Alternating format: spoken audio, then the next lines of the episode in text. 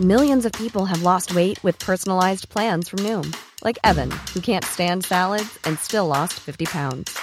Salads, generally, for most people, are the easy button, right? For me, that wasn't an option. I never really was a salad guy. That's just not who I am. But Noom worked for me. Get your personalized plan today at Noom.com. Real Noom user compensated to provide their story. In four weeks, the typical Noom user can expect to lose one to two pounds per week. Individual results may vary.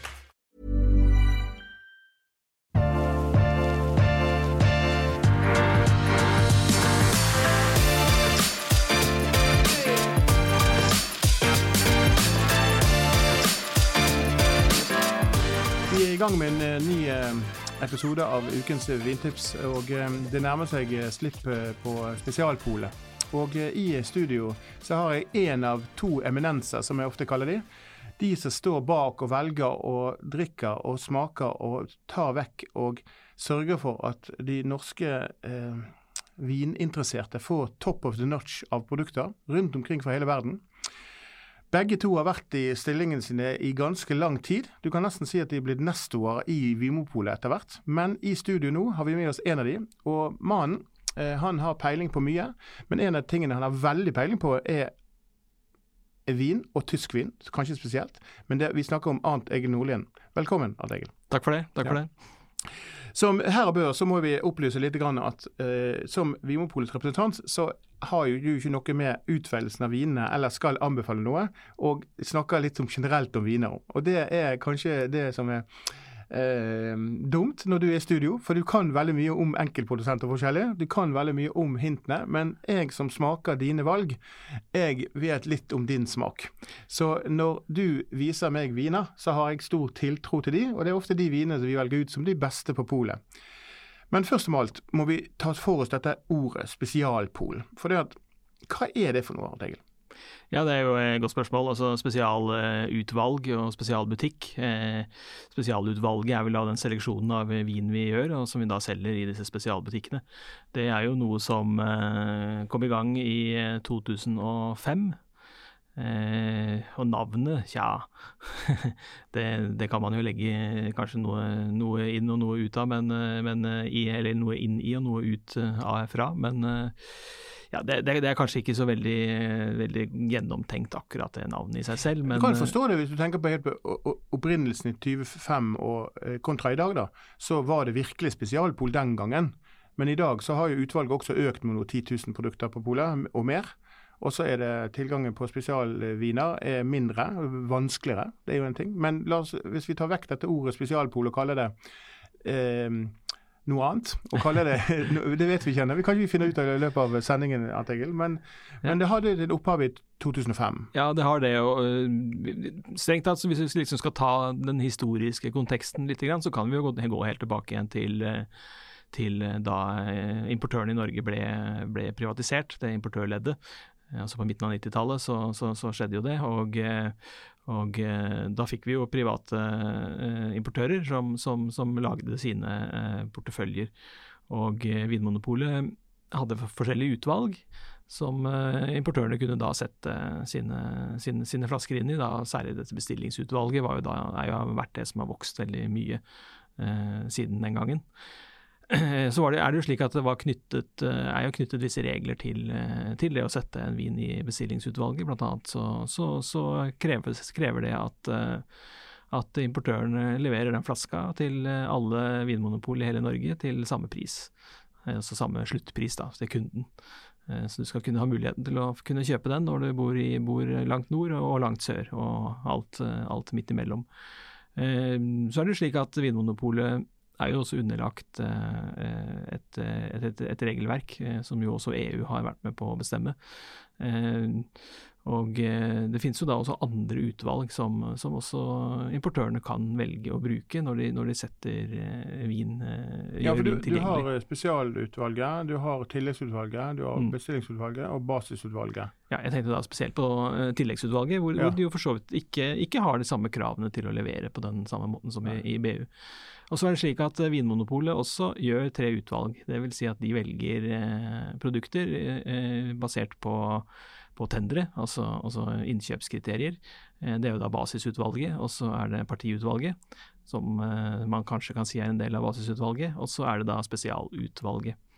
Eh, og, eh, og, der er det da Vinmonopolet som, som, gjør dette utvalget. Men der er det jo slik at er det, det, så jeg har forstått det, så er det to mennesker, så i siste leddet er de som avgjør den vinen skal inn eller ikke. Ja, det er, det er jeg og min kollega Per Melling. Okay. Det er vi to som, som, gjør det, bestemmer det. Samtidig så, så, er det klart vi er jo avhengig av at uh, de norske importørene har lyst til å selge disse vinene til oss i dette utvalget, og, og, og ha det representert her. Eh, hvis de ønsker å ha det representert i bestillingsutvalget i stedet, så er jo det også en, en mulighet. Du kan ikke være begge steder? Du, kan ikke være begge steder. Nei. Du må velge et, et, sted. Og Grunnen til at uh, man i 2005 valgte å, å, starte dette utvalget, var jo fordi at man så at uh, veldig mye av de aller, aller mest ettertraktede produktene uh, som, som, man fant på markedet, særlig da også de produktene som som de aller, aller mest vininteresserte er interessert i, da, eh, de ble aldri åpent uh, solgt via polet. De ble solgt direkte til kunder, da, via selvfølgelig spesialbestilling, og sånn sett håndtert via Vinmonopolet. Men de, var ikke, butikker, ja, de var ikke tilgjengelig gjennom polets utvalg for andre enn kanskje noen som, som, kjente til importørene eller, eller slikt. Eh, så, så, så, så, det var utgangspunktet, var et forsøk på å prøve å, å demokratisere dette her litt, og gjøre disse, disse flaskene også iallfall uh, tilgjengelig på en liste, slik at uh, flere kunder kunne nyte, gode, nyte, godt av disse flaskene. Men ser man på tallet, altså fra dag én, eller første gang det var spesialpåslipp, uh, mm. som da solgte x antall millioner, til dagens nivå, så har jo det vært en, helt, en bratt læringskurve for alle parter. Ja, eh, da, da, det startet Du kan godt si at første første hva skal, hva skal vi si, fase, eh, første periode for spesialutvalget var fra 2005 sånn til 2009. Eh, da var egentlig spesialutvalget litt som du var inne på, et pol i polet. Det var to butikker. Det var Briskeby på den tiden, som etter hvert ble flyttet til Vika, og så var det Valkendorf gate i Bergen, som jo er den lengst sammenhengende spesialbutikken vi har eh, som var de to butikkene. Og, eh, og eh, da var det ansatte i butikk som, som, gjorde utvalget. Så dette var et lokalt valgt utvalg, basert også på visse kriterier. og og det var slik at importørene kunne sende tilbud til en e-postadresse, og så fikk de et svar. Um, i løpet av disse fire, årene så fant man vel ut at uh, den ordningen fungerte uh, svært dårlig. Uh, det hele ble ganske sånn tilfeldig, og den litt manglende kanskje kommunikasjonen partene imellom gjorde at det hele ble enda mer tilfeldig. Og, og man fikk også et problem med lager. Lagrene vokste voldsomt, og, og, sto, og innkjøpet sto ikke helt i stil med, med, med salget. Så når man kom til 2009, så, så, så, så ble det faktisk bestemt. Da, da, hadde man to valg. Enten så var man nødt til å ta noen tak og gjøre noe med dette, eller så måtte man rett og slett eh, legge ned hele den ideen om, om, om, om å, ha disse, disse vinene eh, tilgjengelig i Vinmonopolets utvalg. Eh, og det som da skjedde, var at min kollega Per Meling ble jo da ansatt. og de første årene etter at han ble ansatt, så så, så, så, eh, kom han da med anbefalinger. Alle tilbud ble sendt eh, via han, og, eh, og Per gjorde da et utvalg for, som han syntes var riktig å, å, ha med videre i, i spesialutvalget. For akkurat den jobben der, den er jo den er litt sånn underkommunisert. Nå er jo ikke Vinmonopolet kjent for å kommunisere alt som skjer internt, men det er positivt ofte. Men den jobben som dere gjør som utvelger, den beskriver hvordan den, den, den hverdagen er. Altså, Er det slik at det handler om å smake vin fra tidlig morgen til seint på kveld og sørge for det, eller er det, hva, hva skjer på en hverdag du har? Eh, ja, så, så utgangspunktet så må du nok se for deg at både jeg og Per lever jo med vin 24 timer i døgnet hele tiden. Dette er jo det vi lever for, og det er en stor eh, hobby og, og, og, lidenskap for oss begge. Jeg tror ikke vi kunne hatt denne jobben hvis ikke, ikke det var slik. Eh, så det er ingen åtte til fire-jobb? Nei, dette er en, dette er en altomfattende omfattende jobb, hobby og lidenskap. Det er 24 timer i døgnet omtrent. Eh, så driver vi med dette. Og det er klart vi leser på fritida, vi leser og smaker eh, når som helst. Er jeg på ferie, så, så, så, så har jeg med meg jobben eh, der òg. Så den er, den, er, den er, aldri slutt. Og du er nødt til å ha noen som på en måte har denne lidenskapen for dette her. Ellers så, ellers så så blir det rett og slett ikke tid nok til å gjøre dette her. hva skal si, sånn parhest. sant? Så, altså, dere, dere har samme stemmeleie, dere snakker eh, på likedan, dere forstår hverandre ute og snakker forskjellig. Så dere jobber jo som en godt som et team. Men hvis du ser bort fra det og så sier OK, eh, vi ser litt på historien til Spesialpolet og virkningen den har hatt på det norske markedet, så har jo vi da nå nærmer seg over 100 millioner i omsetning. Det er i hvert fall store tall når, det, når du ser på, på det. Eh, Auksjoner har kommet i tillegg. Så det skjer en stor utvikling på disse årene. Mm. Men det man ser også, er jo det at vininteressen har også økt med antall personer som kjøper vin. Absolutt. Altså eh, Fra den gangen eh, vi ble kjent i sin tid, så er jo det en eh, veldig lenge siden, men, men da var jo vininteressen sånn at du kunne telle de på et par hundre mennesker, og så da visste du liksom hvem som holdt på med vin i Norge, og det var veldig Mm. lite. Det var veldig Eh, lite. ja. Men Absolutt. i dag så er det jo sånn at det er vanvittige mengder av eh, ting som går. Folk er jo gale eh, når de skal ta tak i vinene sine. Mm. Ja. Og der, Det tror vi har snakket om det før, og det har jo om at og Det ser vi også, det at Spesialpolet eh, eh, lanserer da it, italienske hvite, norditalienske hvite viner. Mm. Veldig god smakekvalitet, veldig gode priser. Og så blir det ikke en sånn salgssuksess. Så veldig mange av de som kjøper vin i dag, og eh, kjøper jo ofte eh, kjente merkevarer. Altså den utviklingen som skjer fra en kjent merkevare. La oss si Ravenor eh, er kjent, alle skal ha tak i vinen. Men så skjer det en utvikling i Chablis. Og det er jo der dere er ofte flinke til å velge produsenter som, og, eh, eller områder som, som er smakekvaliteten kontra pris er bra. Ja, det, det, er jo, det er jo slik vi, vi driver. Det er klart vi, vi, eh, Når vi tenker eh, vårt utvalg, så, så ønsker vi jo den Og altså For det første så er jo jobben vår å skaffe de produktene som kundene våre ønsker. Eh, det, det er klart, det er jo hele utgangspunktet. Men, eh, men, eh, og, vi skal alltid ha det, den beste kvaliteten i, i, eh, i de forskjellige regionene, som da passer inn i vårt utvalg. sånn sett. Du nevner Chablis, du nevner altså, du kan snakke om Burgund, du kan snakke, om Bordeaux, og også en del andre regioner som har veldig veldig store og, og, og kjente navn. Men det er jo også i vårt, vårt lodd å, å, finne tilsvarende kvalitet i regioner som som, som ikke er så kjent, som du nevnte f.eks. Trentino Alto Adige Mm. eh, i Nord-Italia, eh, som, som jo eh, er en region med, med høy kvalitet, kanskje spesielt på, på de hvite vinene. Eh, og, og, så det er jo også ting vi går inn i og, og prøver å finne. Så, så er det slik at vi ser jo også at våre kunder er kanskje ikke så kjent med de vinene. Eh, Og da, da, da hender det at det tar litt tid før, før disse eh, setter seg i, i markedet. Så det er et lite tips til lytterne fra, fra meg. Det er at eh, når du velger vin fra Spesialpolet, selv om den vinen som du kanskje har hørt om er utsolgt, eller eh, den får ikke du tak i, og den er litt få flasker av, så hele utvalget generelt sett eh, veldig høy smakekvalitet på. Det er sjelden jeg scorer en vin 50 poeng eller 60 poeng eller 70 poeng. Man er ofte oppe i 88 som er meget god, og oppover når det gjelder poenger fra min side. Men det er også da et godt tips å tenke at eh, de vinene som er- kommer litt fra andre områder eller produsenter, er liksom kommet en sånn liten igjen med to nåløyer på eh, to av de som smaker mest vin i Norge, og velger det ut fra et uavhengig standpunkt. Sånn, for det har jo ikke på å si egne interesser og at det skal selges mer. Dere får deres lønn, og dere er uavhengige. og Vinpolet er jo en uavhengig institusjon i Norge. Men det må jo være et voldsomt jag etter å få dere til å smake på vin.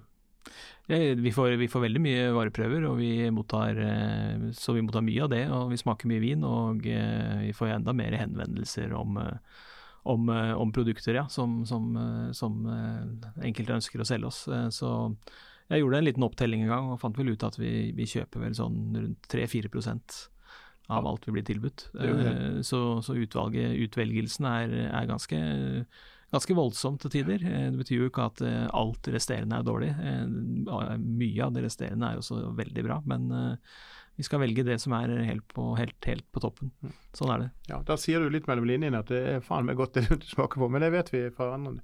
Vi skal skifte litt grann tema, og vi skal snakke litt om det kommende slippet eh, som kommer nå. Eh, vi går fra historie og litt hva, hva spes spesialpolet er, og så skal vi da gå rett inn i, inn i det deilige bobleslipp som nå kommer.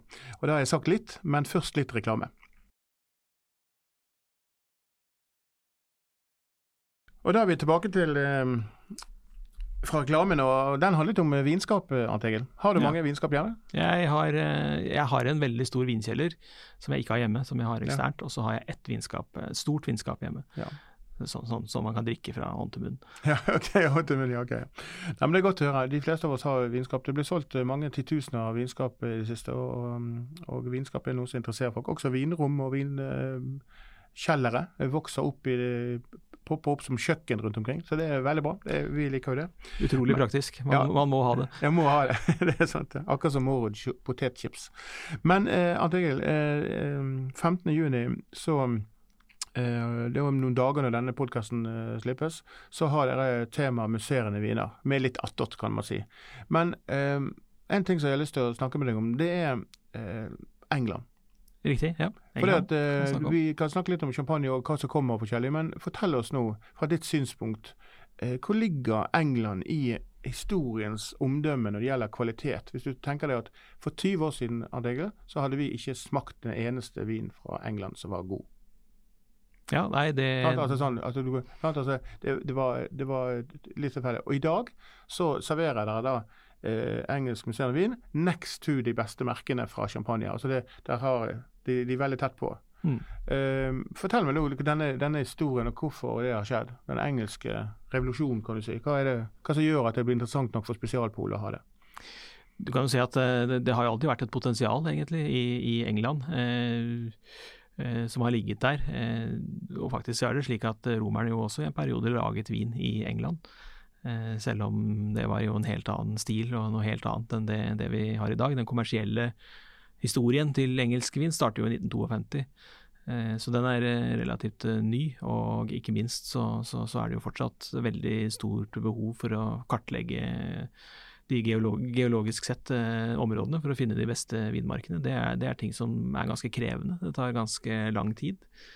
Eh, men eh, jeg nevnte jo 52, da starter jo Hambledon som den første kommersielle eh, vingården. Eh, og så skjer det jo noe på 90-tallet. Da, da, er det jo en eh, endring hvor man går over til, til å, å, lage mer musserende vin. Som viser seg å, å, å passe det engelske ikke minst klima, eh, mye bedre eh, enn en de har gjort enn en, en for stillevin, da, som har vært laget da hittil. Så, så, så, så, med denne overgangen til musserende vin, så, ser vi at England blir mye mer interessant som et, et vinland. Samtidig så, har nok den meste investeringen skjedd fra 2005 og framover, vil jeg nok si. Eh, og Så tar det ganske lang tid, egentlig, å, å, å, å, lage vin. Det er ikke noe som er gjort uh, i en håndvending. Du kan ikke bestemme deg for å gjøre det ett år, og så har du noe på markedet neste år. Eh, vinstokkene skal iallfall være i sitt tredje år før, før, de kan gi en frukt som, uh, som det er mulig å, lage vin av. Og kvantiteten er da ofte ganske lav. Og så må du finne disse, disse, disse vindmarkene først, og du må plante. Og eh, så må du eksperimentere deg fram til eh, hvordan du skal lage denne vinen, og så skal den gjerne ligge noen år i kjelleren. Musserende vin eh, er jo også litt lagringskrevende. Det vi f.eks. selger stort sett på slipp denne uka, er jo, er jo 2018-årgangen f.eks. er jo nå typisk en årgang som som, som, er tilgjengelig eh, på, det, på, på markedet da, eng, mm. av engelsk vin. Og da er det jo eh, fem år siden eh, du høstet i Drune. Ja. Så, så, det tar tid å, å, å etablere et, en, en, vingård og etablere seg som en vinprodusent. Og, og det er ganske mange som har er der, at de driver og etablerer seg. Og det, det kommer til å komme også flere produsenter. Mm. Eh, men jeg tror nok at eh, hvis du skal se liksom grunnen til at England har økt eh, kvaliteten så, såpass mye, så, så, så, går det nok også litt på britenes sånn nøye måte å gjøre dette på. De, de har undersøkt geologien, de har liksom funnet ut hvor det faktisk er lurt å, å, å anlegge vinmarkene, hvor du kan få høyest mulig kvalitet. De har, de har satset på gode kloner, og de har har hentet ekspertise fra, fra, fra champagne, og, og, de har virkelig fått det til. Eh, det har de. Eh, og for hvert år så, så, så har kvaliteten økt eh, ganske mye. Man kan, man kan, jo si det at Vinmonopolet har vært med å, å, å, blottlegge den suksessen som de har hatt da ved å ta inn i uavhengige butikker, være åpen med at flere listeføringer. Så langt jeg vet så er Norge det største eksportlandet for, eh, for engelske vin, altså på musserende vin. Ja, det er stort marked, selv om ikke alle selger like mye. Så er det noen som selger mer enn andre. Men eh, jeg hadde besøk av eh, en, en representant fra New Timber her forleden dag, som var i podkaststudio her, som ja. kommer senere i i sommer. En veldig hyggelig episode blir det. Men han kunne fortelle at, at Norge var det største eksportlandet. Og det var veldig mange forundret over. Ja. Så måte, vi har jo på en måte vært nye, og, og du finner jo ikke engelsk musserende vin i Sverige i den utstrekning man har i Norge. Nei, det er blitt et fenomen i Norge. Det har faktisk det. Det var jo Jeg husker jo at de første, de første musserende engelske boblene kom jo hit til landet det må jo ha vært på enten slutten av 90-tallet eller helt på begynnelsen av 2000-tallet. Ja. Så det fantes alltid litt. Eh, og de som var aller mest interessert kanskje i dette her, de prøvde noen flasker. Og syntes at ja ja, dette var jo, dette var jo litt spennende. Eh, og så ble det kanskje ikke så stort likevel. Ja. Eh, jeg og Per var jo der borte i, i begynnelsen av 2017. Eh, da hadde vi lest oss litt opp. Eh, vi leser jo mye litteratur. Vi følger jo litt med på hva som ble skrevet. Vi så jo at eh, nå har det skjedd mye. altså Det har skjedd mye i den forstand at det har kommet veldig mange nye produsenter på markedet. altså Det har kommet folk som, når du leser hva de holder på med, så er det helt åpenbart at de ønsker å, ønsker å lage seriøse produkter av høy kvalitet. Så vi bestemte oss nei, nå tar vi en tur til England og rett og slett uh, gjør en ordentlig dypdykk. Besøker massevis av produsenter og, og ser hva dette her er. Uh, det gjorde vi, så det første slippet er jo nå seks år siden. Uh, og det, det, det, klart, det, det var jo første gang det engelske museene ble presentert på bred front for det norske markedet, og ikke minst kanskje for norske journalister. Som jeg tror nok ble ganske overrasket uh, når de så hvor Ja, jeg hvor, husker vi satt og var litt sånn Gud, at det er mulig å, å så tett opp til champagne. Så vi fikk en liten aha-opplevelse der. Selv om det var noen allerede som var litt kjent allerede da. Mm. Men ikke det omfanget som dere da viste frem. Ja. Men det har jo da bevist også det gjennom at det har vært hvert eneste år siden. Så for det er jo rundt disse tider det er et sånt eh, bobleslipp på polet. Og, og, det er en begivenhet eh, som, som, er hyggelig å alltid ha, for det kommer alltid inn noe ekstra godt innimellom ja. som er fantastisk. Mm. Problemet er jo ofte allokering det kommer for lite i forhold til alle de som vil ha. Det, det, var, det, jo, det var, det jo, også i starten. fordi altså, Vi, kjøpte, vi, vi syns jo vi kjøpte veldig veldig mye. Vi var jo spent på hvordan dette kom til å gå. Men uh, da vi gjorde en oppsummering et år etterpå, så fant vi ut at uh, det, altså, det var rett og slett utsolgt. Alt hadde solgt. Og, og, det første året var det også slik at en god del av de aller mest anerkjente produsentene sa til oss at de var ikke interessert i det norske markedet. Det, det, var ikke noe marked de så for seg, og, så de sa rett og slett nei når vi spurte om ikke de kunne selge noe vin til Norge. Det ville de ikke. Og det, er, og det er jo en sånn ting som helt åpenbart har snudd. Den, vi fortsatte jo med engelsk vin, og det har jo økt litt hele tiden. Og, og nå, er jo, nå, er det jo, helt motsatt. Flere av de er jo de, når de skal begynne å eksportere vin, så, så, så mange av de, de, som er helt nye og, og har høy kvalitet, de, de, ser jo gjerne til Norge. Men er dere, er dere nødt til å reise bort en tur til for å, for å se på de nye? For dette er jo ikke velpolerte firmaer. Altså, det, er jo, det er jo nyetableringer. og med den kapitalkrevende industrien det er, så er det jo ikke sånn at du møter velpolerte slott der borte. Det er jo en garasje og noen tanker. og Noen har jo det fint, men de fleste har jo det veldig enkle formater. Absolutt, men, ja. men, det er vi vant til. Vi har vært i mange garasjer og små kjellere rundt omkring i hele verden. Så, ja.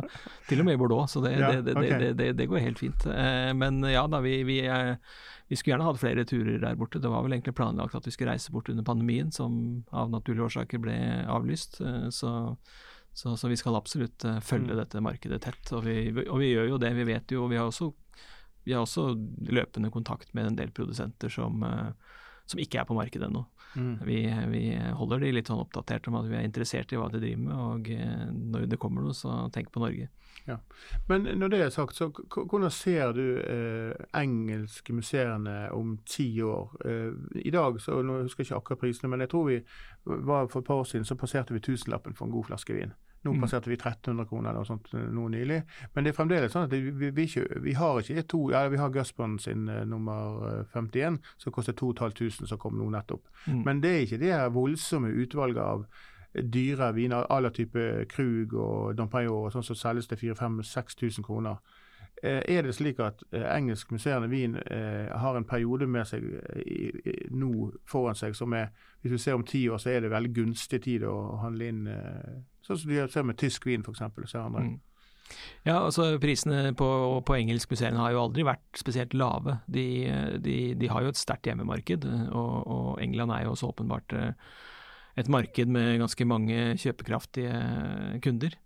Eh, så, så, prisene har aldri vært spesielt eh, lave, det har de ikke. Eh, det er også naturlig i og med at det er et område hvor, hvor utbyttet gjerne er veldig lavt. Det er jo gjerne en fjerdedel omtrent av champagne. Mm. Så, så, så, prisene har aldri vært lave, de har økt lite grann. Samtidig så ser vi jo også at de er åpenbart lavere enn i champagne, som du, som du nevnte hvis man skal da gjøre den sammenligningen. Ja, Sammenligningen er jo det at det, det, selvfølgelig det er langt flere champagner, men engelskmuseene mm. er rent for, sånn kjellermessig vil jeg si at det er et godt alternativ å kjøpe inn ting som er bra, som kan lages i mange år, som du ikke trenger å betale for mye for. Men det er jo selvfølgelig ikke eh, billigste, eh, billigste. Det er det ikke. Det er, jeg tror ikke jeg har opplevd en veldig billig en ennå. Eh, da er jo ikke konkurransen stor nok, tror jeg. men det er også det at det er et nytt marked. For det, selv det eh, engelske navnet for musserende vin er jo ikke helt kjent ennå. Nei, de har, de, de har etablert seg sitt eget navn, ja. ja. Nei, så de sliter litt med det. Og, ja. det, og det, sier bare hvor nytt dette markedet er. Mm. Men eh, i alle tilfeller, eh, jeg tror vi skal eh, si det at eh, jeg følger med på mine artikler rundt dette slippet. Eh, jeg har fått vært så heldig å vært invitert, og blir invitert eh, på smakingen der, og det var mye godt. Jeg valgte ut noen favoritter, og noen som, som jeg syns var litt mindre. Men alle skåret godt, det kan man trygt si. Men så må vi snakke litt om eh, champagneslippet. For det der har jeg litt spørsmål til deg. For det, champagne eh, er det er over 1150 produkter på polet med musserende vin. Og så har dere eh, temaet musserende, og så skal dere da mm. velge eh, eh, champagne ut fra et utvalg og finne produsenter og sånt. Der er det ikke, kan ikke være lett å finne produkter nå når det er så stor mengde av kvalitetsprodusenter. Det må bli en sånn selection. Fortell meg litt om det hva, hva for utfordringer har dere der for å finne de beste produsentene? For der er jo man kan jo selge Krug og Dampignon eller sånn. Der får jo små allokasjoner og sånt. Uh, og så mm. er, er lager de mer vin, og det, det, det, virker som noen importører heller vil ha det i BU, for da kan de selge så mye de vil. For Dere har jo en begrensning på det var 600 flasker i ett innkjøp, så kan dere kjøpe 600 til. og da stoppes det. og Det kan ikke ja. være begge steder. Nei. Så hvis du har eh, 2000 flasker med en flaske vin, det, og du vet du får solgt den, så er det kanskje lurt å ta ned og ha et utvalg. Burde eh, er, det, er, det, en utfordring, altså at man har disse begrensningene på antall, eller? Altså det, er, det, er, regelverket slik det er i dag. Eh, vi, vi kjøper inn direkte, og det gjør vi. Altså vi spekker produktene direkte. Og da vi, er det blitt satt noen juridiske begrensninger for det, så, så, så, så slik er det. Mm. Eh, samtidig så er det jo litt som du sier, at, eh, at uh, den mengdebegrensningen gjør jo sitt til at enkelte velger å, å bruke andre utvalg, da f.eks. BU. Uh, og det, det, er jo helt greit. Uh, poenget med spesialutvalget er jo å gjøre disse produktene tilgjengelig for folk. Så, så vi har ikke noe problemer med hvis noen ønsker å, å heller selge 2000 flasker i BU. Da er jo den vinen også tilgjengelig for våre kunder, og for, for alle kunder gjennom Vinmonopolet. og, det, og det, det, er jo også fint. Okay. Eh, da, så, så, så, vi har jo en dialog med, med, med grossistene på, på, hva de ønsker å, å tilby til oss. Eh, så, så det, det, det, er en dialog som, som jeg føler fungerer fint. Mm. Ja, akkurat med, med, champagne og den uh, utfordringa med tilgangen på sånn, så ser du også det at uh, det finnes mange små produsenter som i dag ikke er så veldig kjent uh, i det norske markedet. Mm. det er stor utvikling i i champagne med folk som etablerer egne merker eller begynner å lage egen vin. Og så ser du at de prisene ofte er gode eh, i forhold til det de leverer kvalitet. Blank til blank og blank til noir, som, eh, som, jeg føler som jeg har smakt som er veldig bra.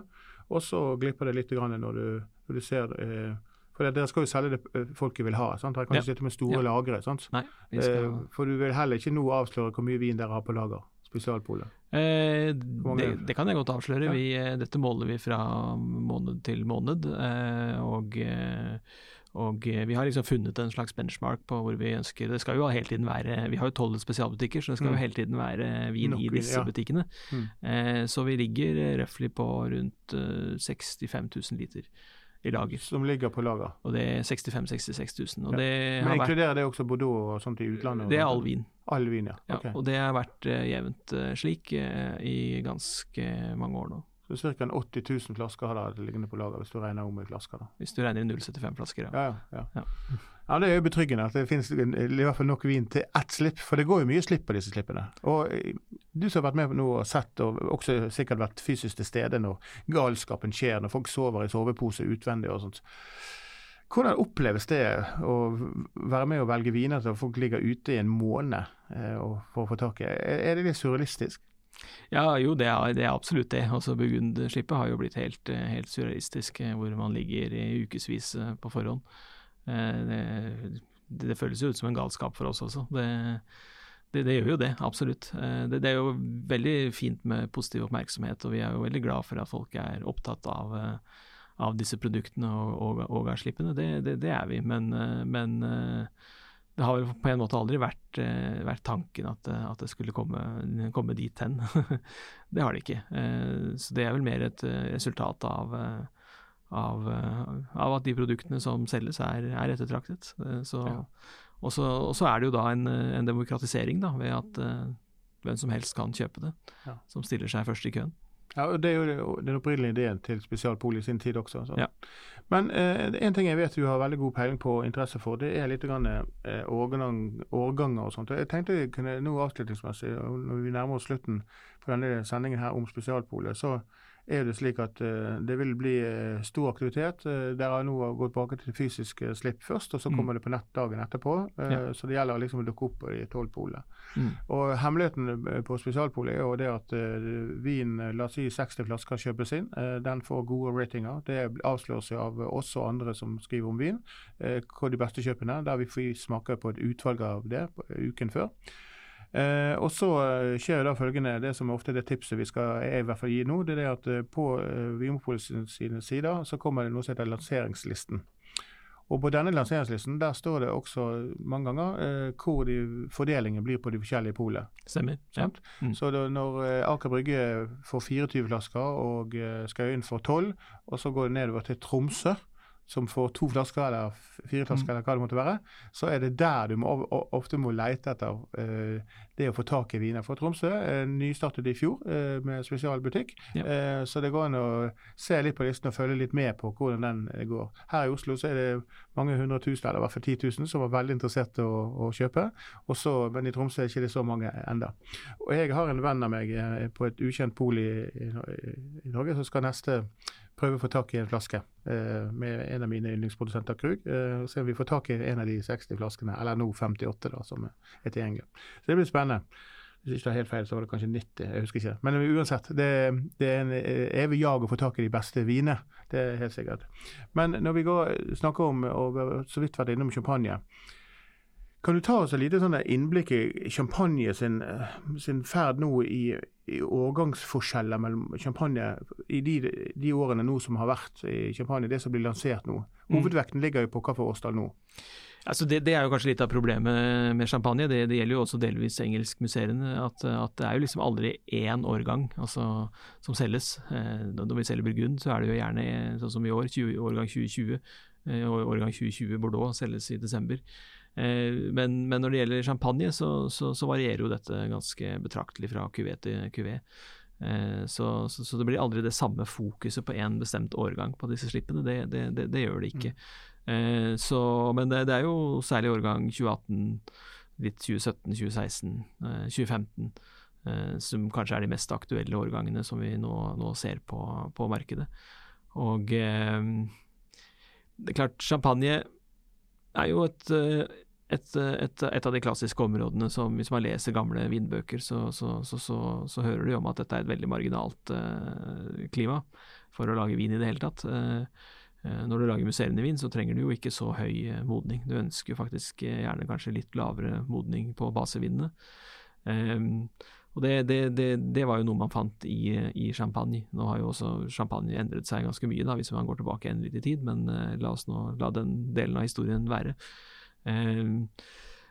Og, eh, men i de senere årene så ser vi jo selvfølgelig også at modningen er høyere i champagne. Det er jo det. Uh, og på 80-tallet så var det kanskje én eller to varme årganger, og nå er det kanskje en eller to årganger som ikke er varme lenger.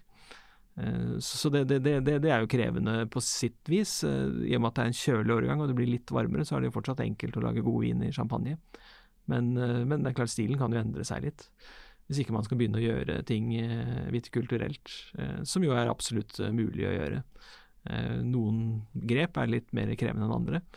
Men, men, det er absolutt mulig å gjøre grep i vinmarken for å f.eks. senke modningen, gjøre at den går saktere. Mm. Mm. Både med bladverk, oppbinding, og i, eh, og i, eh, mer ekstremt kanskje, og så gjøre noe med beskjæringen. Men, men, det du sier, det er at klimautfordringene som champagne åpenbart har, da, altså sånt, eh, med at viner da får lengre modningstid og sånt, mm. det kan justeres også inn i andre teknikker, slik at de kan møte det. Men det, det er ikke det lovlig enda. Det er lovlig. Det er lovlig? Ja, absolutt. Okay. absolutt. Ja. Men de men, gjør det ikke? Jo da, enkelte gjør det. Ja. Og det, ikke minst, minst så eksperimenteres det jo ganske mye med det. Eh, men eh, f.eks. skal du begynne å beskjære annerledes, så, så, så, så, er det en veldig krevende I verste fall må du jo replante. Eh, og da er det jo mange år uten produksjon. Ja, det, og det gjør du ikke når du trykker penger som noen gjør i champagne. Og, og, og, og, uansett så, så, så, krever det jo at du, at du må, må, lære opp vidmarksarbeiderne kanskje på nytt. I nye, nye beskjæringsteknikker og, nye oppbindingsteknikker. Eh, men man ser jo det at f.eks. det å bruke høyere, høyere eh, vinstokker, altså hvor druene kommer høyere, gir en saktere modning f.eks. enn eh, når man, når man beskjærer det nærmere grunnen. Mm.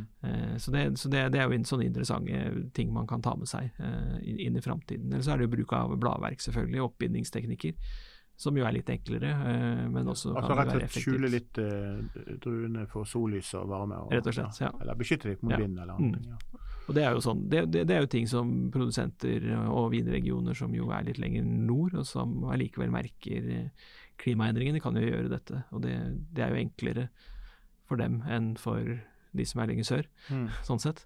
Og som kanskje allerede brukte dette fra før. Så litt opp oppsummert så har klimaet på en måte gjort champagne godt til et visst nivå. Men mm. samtidig så må mm. noen endre litt måte å gjøre det på for å beholde syrlighet og liksom fasthet og sånt. Men det er ikke de store årgangsforskjellene mellom mellom, eh, mellom årgangene. Er, nå vet jeg at dette er jo sånn der, det finnes ikke et riktig svar, men generelt da, så tenker jeg ok, champagne er et relativt godt kjøp, mm. men inni der så gjelder det også å finne gode produsenter. Og det eh, og nye og, og, og, eksisterende som stadig vekk lager bedre champagne. Mm. For det er ikke slik at um, at du lager champagne på to, to år. Du, det, dette her er sånn type 20-30 års prosjekter som kommer eh, fra produsentene. sånn at ja. Eh, man snakker jo da om om Krug som har f.eks. syv år før de lanserer sin Grand Cuvé, som mm. nå eh, nettopp har blitt sluppet. Eh, og det finnes andre som bruker lang tid til å ja. Eh, få det frem. Ja, nå er det fortsatt uh, slik at det finnes jo litt kjøligere årganger også. Og, og, og for Fordelen i champagne er jo at de, de, de blander jo gjerne. Det er jo gjerne en vin hvor du, hvor du bruker forskjellige baseviner, også fra forskjellige år. Og, og, sånn sett har mulighet til å blande og gjøre produktet sånn sett mer Eh, likt fra år til år. da. Eh, og det gjør man jo, men, eh, men, man ser jo generelt sett at det selvfølgelig kommer årganger som, som er rikere enn en det var tidligere. Det fantes nok rike årganger tidlig, tidligere også, men de kommer oftere nå. Og, og, motsatt vei så er det også færre årganger som man må, må, må kanskje karakterisere som litt kjølige. Eh, sånn er det jo alle steder. Og det er jo også en litt sånn mental ting kanskje for alle oss som er glad i vin og vant til å tenke på hva, hva er en god årgang, egentlig. Eh, går, går, det 40 år og lenger tilbake igjen, så var jo den gode årgangen det var jo alltid de varme årgangene. Kanskje ikke vi kan tenke sånn lenger. Mm. Ja, det på tide å tenke litt nytt, for, og kanskje vi skal ta vekk det årgangsbenevnelsen. Er det så viktig? For det, nå er det god vin generelt overalt. Så vi får se. Ja, jeg vil si det er viktig, men kanskje faktisk det snur. Kanskje det er de kjølige årgangene som er de beste. Nei, Vi blir eldre, Ant Egil, og vi blir filosofiske. Så nå avslutningsmessig skal vi eh, ta et lite oppsummering på eh, spesialpolslippet. Hva er det viktigste å, å, merke seg på dette spesialslippet her, eh, kontra de andre eh, museene slippene som dere har hatt? Hva har dere gjort bedre denne gangen i forhold til andre gang? Greier du å se det? Altså, det er jo hele tiden sånn at vi, vi, vi når vi jobber med et slipp, så, så, gjør vi jo en seleksjon. Vi, vi ser jo hele tiden på, på, på det vi har, og, og, eh, om det er noen ting som kan bli bedre. Eh, det er en sånn evigvarende eh, kamp mot klokka, egentlig. Du, du, prøver å perfeksjonere det så godt som mulig. På et tidspunkt så, så har du brukt opp den tida på å perfeksjonere det, så må du si at det, er så bra det blir. Men, men jeg vil jo si det sånn at vi hele tiden eh, blir litt bedre fra år til år. Jeg syns jo det. Eh, og det går jo på den seleksjonen, og det går jo også kanskje på, på den kvaliteten som, eh, som, de produsentene som er tilgjengelig, klarer å produsere. Da. Eh, det er jo for så vidt også en generell ting med vin, at, at kvaliteten, gjennomsnittskvaliteten på, på all vin her i verden, blir jo egentlig hele tiden litt bedre. Sånn er det. Ja, Det blir jo spennende. 15. juni klokken 10, da åpner dørene. Da står Arnt Egil sannsynligvis kanskje i køen. Gjør du det noen gang? Forresten? Alltid. Du står i køen, ja? Ja, jeg på. kjøper vin. Ja, det er godt sånn. Bruk opp det du tjener. Ja, det er godt høre. Da har vi to. Eh, det er i hvert fall eh, veldig hyggelig å ha deg i studio, Arnt Egil. Jeg håper jeg ser deg igjen ved en senere anledning. Men uansett skal vi da denne gangen her, som for første gang i i podkasten. Ikke nødvendigvis snakke om vin vi har glass. Vi har ingen vin i studio heller. Men jeg skal sørge for at det kommer en god anbefaling til alle lytterne der ute som lytter eh, trofast mot denne podkasten. Og eh, da skal vi ta vekk ordet eh, skål, som vi vanligvis avslutter med, og si på gjensyn. På gjensyn. Takk for at dere fikk komme.